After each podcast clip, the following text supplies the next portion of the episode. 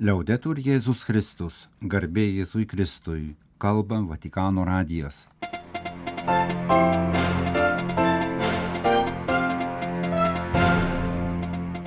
Malonus klausytojai šioje penktadienio birželio 23 programoje. Popiečiaus susitikimas su menininkais Siksto koplyčioje. Saugokite mus taip pat ir nuo religinio jausmo subanalinimo. Pranciškaus video žinia pasaulinės jaunimo dienos dalyviams likus 40 dienų iki susitikimo Lisabonoje. Jaunimą pasaulinėje jaunimo dienoje lydės dangiškiai globėjai, liudijantys, kad Kristaus gyvenimas pripildo ir išgano kiekvieno laikmečio jaunimą. Popiežiaus pasiuntinys kardinolas Konradas Krajevskis vėl gabena labdarą į Ukrainą.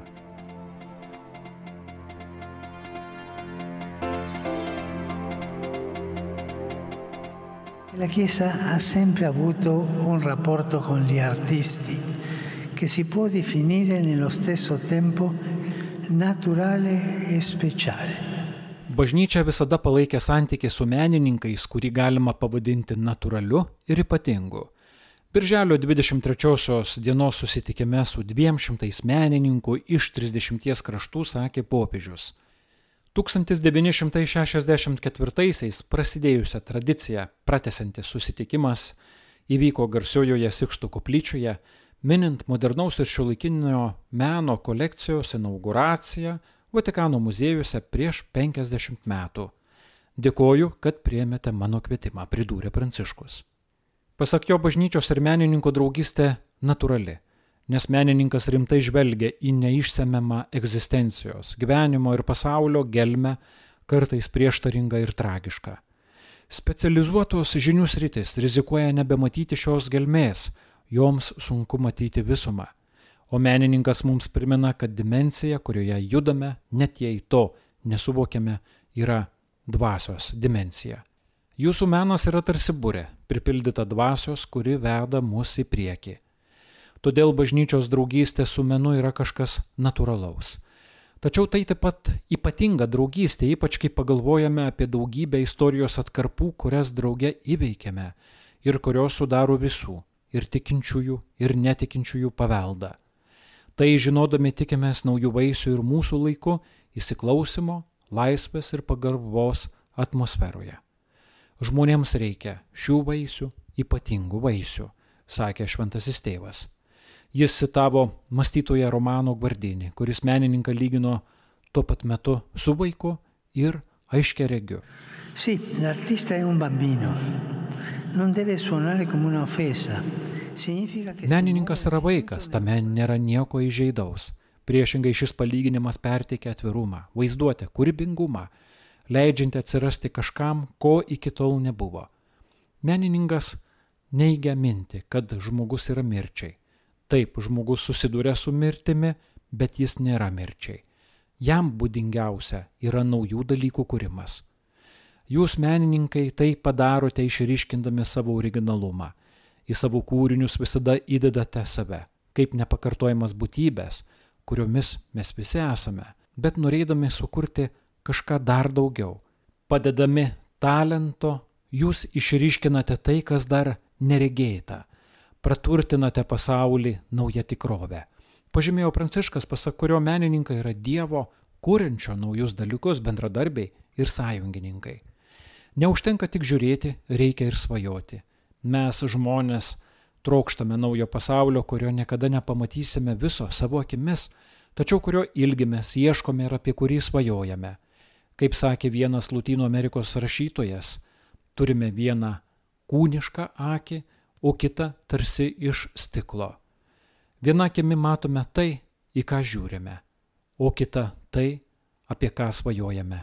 Jūs menininkai sugebate svajoti apie naujus pasaulio pavydalus įterpti į istoriją naujus dalykus, pakartojo Pranciškus. Todėl menininkui tinka ir palyginimas su aiškeregiu, su pranašu, išvelgiančiu kažką, kas toli už horizonto ir kas slypi už paviršiaus. Todėl esate kviečiami nepasiduoti įtaigiam, bet dirbtiniam ir paviršutiniškam tariamam grožiui, kuris šiandien plačiai paplitęs ir dažnai prisideda prie ekonominių mechanizmų, kuriančių neligybę.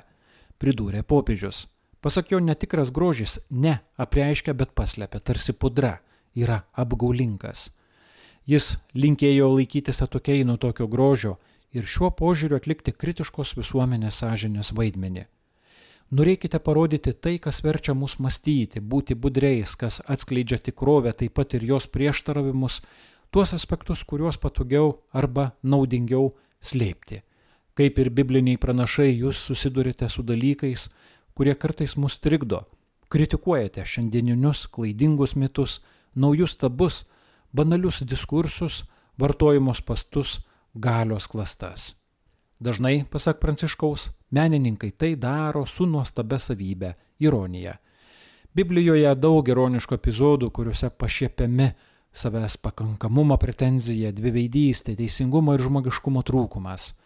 Menininkai taip pat saugo tikrą religinį jausmą, kuris gali būti subanalintas ir sukomercintas. In questo essere veggenti, sentinelle, coscienze critiche, vi sento alleati per tante cose che mi stanno a cuore. Būdami iškeregiais, sargybiniais, kritiškomis sąžinėmis, jaučiu, kad esate sąjungininkai daugelyje man artimų dalykų, kaip žmogaus gyvybės, socialinio teisingumo, paskutiniųjų gynime, rūpestyje, bendrais namais, jausme, kad visi esame broliai, vardijo popiežius. Kitas dalykas, kuris suartina meną su tikėjimu, yra tas, kad abu jie mus trikdo. Menas ir tikėjimas nepalieka dalykų, kokie buvo, bet juos keičia, perkeičia. Menas nėra anestetikas. Jis teikia ramybę, bet neužmigdo sąžinių ir palaiko jų budrumą. Dažnai jūs, menininkai, taip pat bandote tyrinėti žmogaus būties požymius, bet dugnes, tamses vietas. Mes nesame tik šviesa ir jūs mums tai primenate. Tačiau turime įžiepti vilties šviesą žmogiškų dalykų, individualizmo ir abejingumo tamsoje. Padėkite mums išvelgti šviesą, gelbstinti grožį, sakė menininkams popiežius. Menas visada buvo susijęs su grožio patirtimi, taip pat gerų, teisingų, tikrų dalykų grožiu. O grožis su pilnatve. Didelis grožis leidžia pajusti gyvenimo pilnumą. Tikras grožis pradeda žadinti ir Dievo ilgesi. Daug kas vilisi, kad menas labiau atsigręž į grožį. Čia svarbių kriterijumi, pažymėjo popiežius, gali būti harmonija. Tikras grožis yra harmonijos atspindys. Galbūt galima pasakyti, kad harmonija yra veiklusis grožio pradas ir pamatinė nuostata, kurioje taip pat veikia Dievo dvasia didžioji pasaulio harmonizuotoje.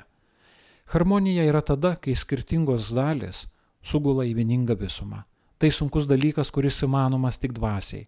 Padaryti taip, kad skirtumai netaptų konfliktais, bet įvairovėmis, kurios integruojasi viena į kitą. Kad vienybė nebūtų vienudumas ir apgleiptų tai, kas daugiapusiška. Tokius stebuklus, kaip per sėkmines, užtikrina harmonija. Ši žinia labai aktuali. Gyvename ideologinių medijų kolonizacijos ir draskančių konfliktų laikais suvienodinanti globalizacija koegzistuoja su daugybė uždarų lokalumo. Tai gali paveikti ir bažnyčią. Konfliktai gali prisidengti netikrą vienybės priedangą, kaip ir susiskaldimai, grupuotės arba narcisizmas. Mūsų pasauliui reikia daugiau harmonijos. Jūs, menininkai, galite padėti mums palikti vietos dvasiai Kai matome dvasios darbą, kurti skirtumų harmoniją, jų nenaikinti, ne standartizuoti, bet harmonizuoti, tada suprantame, kas yra grožis. Grožis tai harmonija kuriančios dvasios darbas. Tegul jūsų genijus eina šiuo keliu, linkėjo popiežius Pranciškus.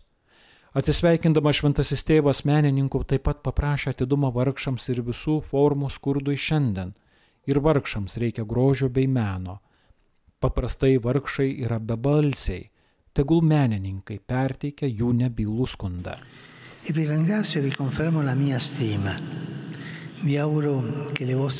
Dėkoju Jums ir dar kartą išreiškiu pagarbą. Linkiu, kad Jūsų darbai būtų verti šios žemės moterų ir vyrų, teiktų šlovę Dievui, kuris yra visų tėvas ir kurio visi ieško taip pat per meną. Infine, Ir prašau, kad kiekvienas savo būdu melstumėtės už mane. Ačiū. Atsisveikinu popiežius Pranciškus su menininkais. Kalba Vatikano radijas. Tęsėme programą. Popiežius Pranciškus video žinioje patikino, kad galės dalyvauti pasaulinėse jaunimo dienose Lisabonoje rūpjūčio pradžioje, nes gydytojas pasakė, kad gali keliauti. Nesulaukiu šios valandos, pasakė Pranciškus, kreipdamasis į katalikiško jaunimo susitikime dalyvausiančius jaunuolius iš viso pasaulio. Pranciškaus žinia jaunimui paskelbta ketvirtadienį, likus 40 dienų iki pasaulinės jaunimo dienos. Kai kas mano, kad dėl lygos negalėsiu dalyvauti. Bet medikas man pasakė, kad galiu, tad būsiu su jumis. Pirmin jaunime, paragino popiežius. Iki mūsų susitikimo Lisabonoje beliko 40 dienų, tarsi gavėnė. Aš pasirengęs, jau viską turiu. Nesulaukiu, kol išmoš valanda keliauti. Pirmin jaunime, nepasiduokite įtaigai tų, kurie gyvenimą paverčia idėjomis Jie vargšai prarado gyvenimo ir susitikimo džiaugsmą.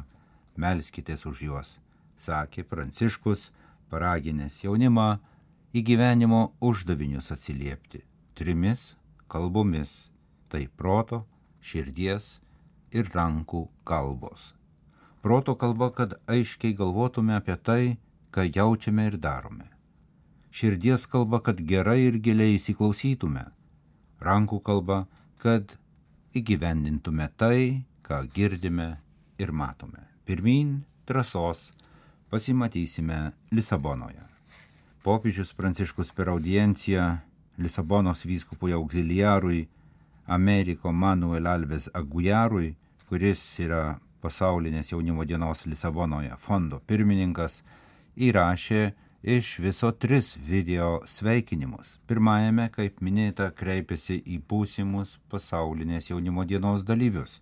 Kitame įraše kreipėsi į pasaulinės jaunimo dienos Lisabonoje savanorius, kuriems padėkojo už įsipareigojimą ir dosnumą, skiriant daug laiko ir pastangų surenkti pasaulinę jaunimo dieną ir susitikimą su juo.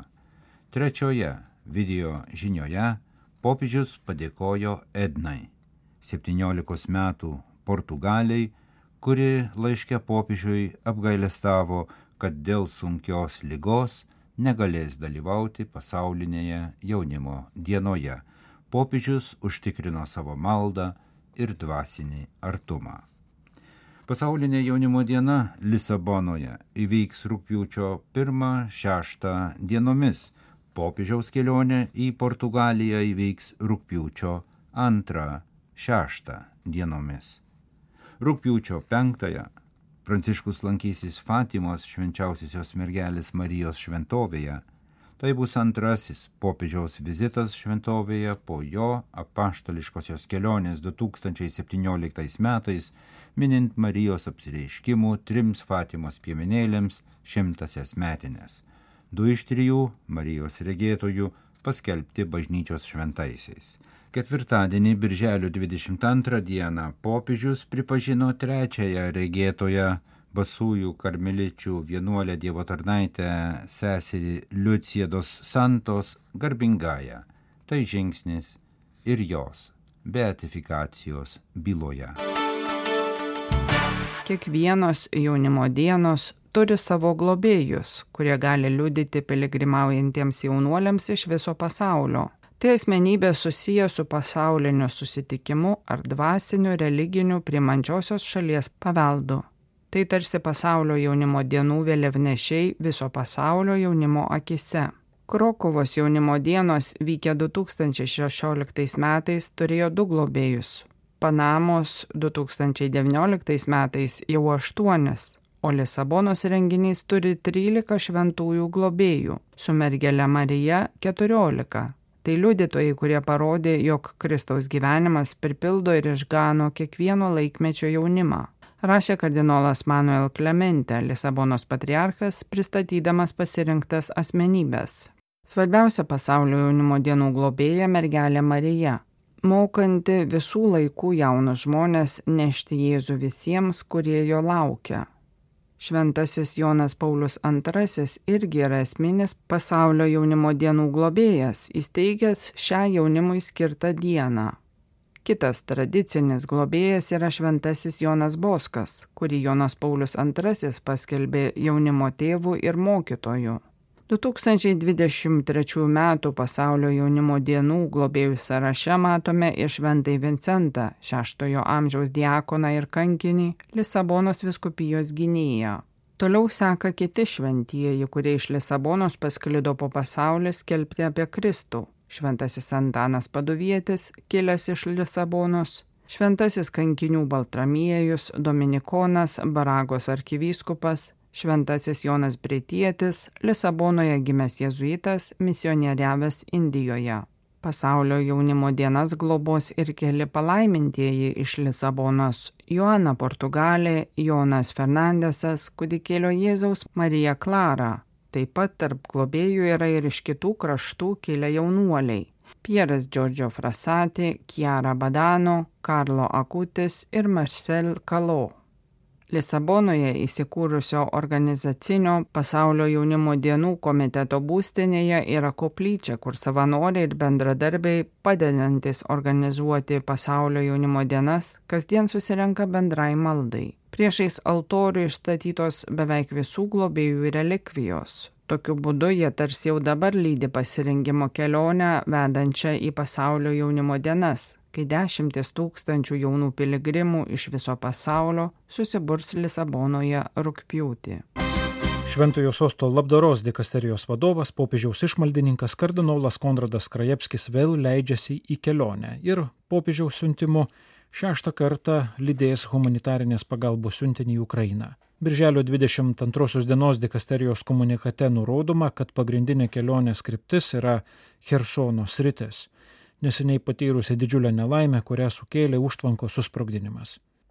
Kardinolas lydėjęs sunkvežimį prikrauta vaistų, ilgai tveriančių maisto produktų ir kitų svarbiausių dalykų, kurie bus pristatyti į labiausiai po užtvanko sugriuvimo nukentėjusias vietas Kaip ir kitais kartais, labdaros dikasterijos vadovas trumpai staptels ir aplankys graikų ir lūtynų apieigų katalikų bendruomenės ortodoksų parapijas, visur pakartotinai perdodamas popiežiaus pranciškaus konkretų artumą ukrainiečiams. Komunikate pridurima, jog netrukus į Ukrainą išvyks ir dar vienas pagalbos vilkikas.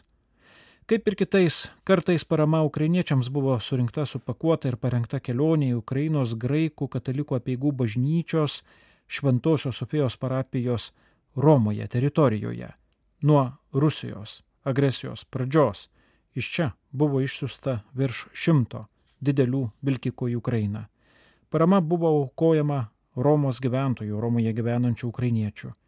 Iš čia keletą kartų pajudėjo ir popiežiaus labdara, kurią asmeniškai lydi kardinolas Konradas Krajevskis, pats nevenginti sėsti už vairo ilgoje kelionėje, taip pat į vietovės, kurios nėra itin saugios.